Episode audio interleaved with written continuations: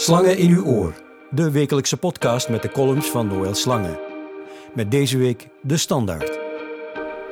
In het weekend, nadat Donald Trump met zijn Verenigde Staten uit het klimaatakkoord stapte, schreef ik dit stuk voor de standaard onder de titel Klein land, groot buitenland. De uitzonderlijke kwaliteit van onze vaderlandse diplomatie is een goed bewaard geheim. Een geheim dat vooral door die vaderlandse diplomatie goed bewaard werd, want discretie is haar handelsmerk. Wie ooit de kans kreeg om samen te werken met dit diplomatenkorps, ontdekte een professioneel legioen dat op een on-Belgische manier excelleert in kennis, efficiëntie en doelmatigheid. De grondslag hiervan werd in de nadagen van de Tweede Wereldoorlog gelegd, toen een aantal visionaire Belgische politici in een periode dat Europa in verwarring en vertwijfeling was, een discrete hoofdrol opeisten. Zo verwierf ons land een reputatie en invloed die de minuscule oppervlakte van dit koninkrijkje ver overstegen. Vandaag is niet alleen Europa, maar heel de wereld in verwarring en vertwijfeling. De wereldpolitiek zit op een razende rollercoaster. De brexit, het terrorisme van IS, de ambities van Poetin, de onrust in de Arabische wereld, de opwarming van het klimaat, het groeiende isolement van het Turkije van Erdogan of de fluwele economische invasie door China. En laten we Donald Trump niet vergeten. Uitgerekend in deze bewogen maar ook uitdagende tijd is ons land tegen sneltreinvaart zijn internationaal krediet aan het verspelen, omdat de binnenlandse electorale logica prevaleert. Het begon zachtjes. De manier waarop bij voorbije staatshervormingen de vleugels van de diplomatie geknipt werden, was slechts een prelude op het exporteren van binnenlandse tegenstellingen.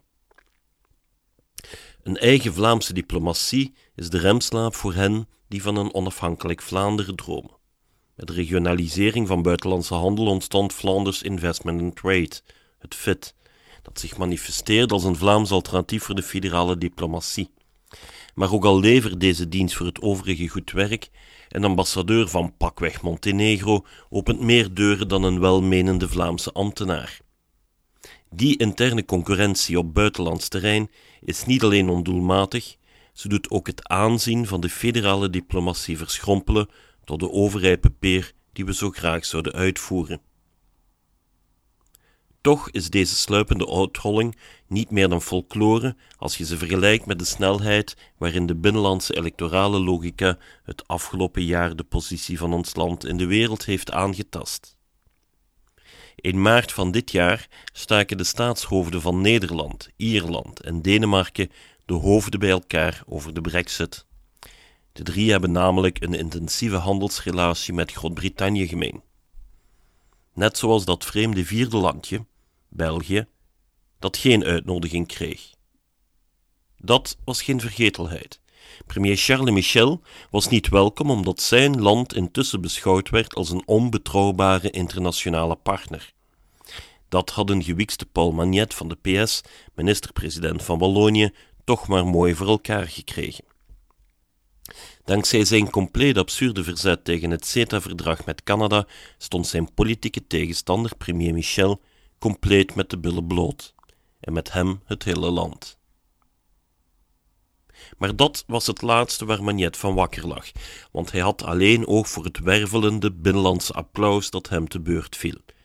Alsof dat nog niet genoeg aan Trump deed denken, lanceerde hij en enkele geestesgenoten van over de taalgrens vervolgens de boodschap dat we van bij ons moeten kopen.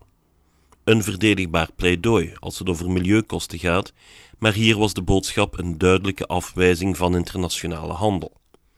Niemand kan uitleggen hoe dit rijmt met een land dat meer uitvoert dan invoert, maar weer een onmiskenbare middelvinger naar de buitenwereld. Dat verlies van internationale impact is de verantwoordelijkheid van zowel links als rechts. In plaats van de overheidsfinanciën op orde te zetten, beknibbelen we op internationale engagementen. Op het vlak van defensie zitten we met ezelsoren in de Europese klas. België schuift de rekening niet door naar Trump, we sturen ze door naar onze Europese buren. Leveren we misschien sterke intelligence, omdat we investeren in inlichtingendiensten. Nee hoor, liever dan met een sterke inlichtingendienst het terrorisme te lijf te gaan, sturen we de paras de straat op, want dat ziet de bevolking tenminste. Dat ons kleine leger daardoor nog minder performant wordt, lijkt een bijkomstigheid. Zo verliezen we schijfje na schijfje het internationaal gezag dat in 70 jaar werd opgebouwd. Ons internationaal krediet is nogthans het fundament onder de talloze Europese en wereldinstellingen die zich in ons land vestigden. Een bijdrage aan het inkomen en de tewerkstelling van ons land is fundamenteel. Vandaag zouden wij geen schijn van kans meer maken om de hoofdzetel van de NAVO binnen te halen. En mochten onze Europese buren vandaag kunnen kiezen, zouden ze dan nog steeds de Europese instellingen in Brussel onderbrengen. Premier Michel lijkt zich bewust van het probleem. De laatste tijd stuurt hij de ene na de andere stoere verklaring de wereld in.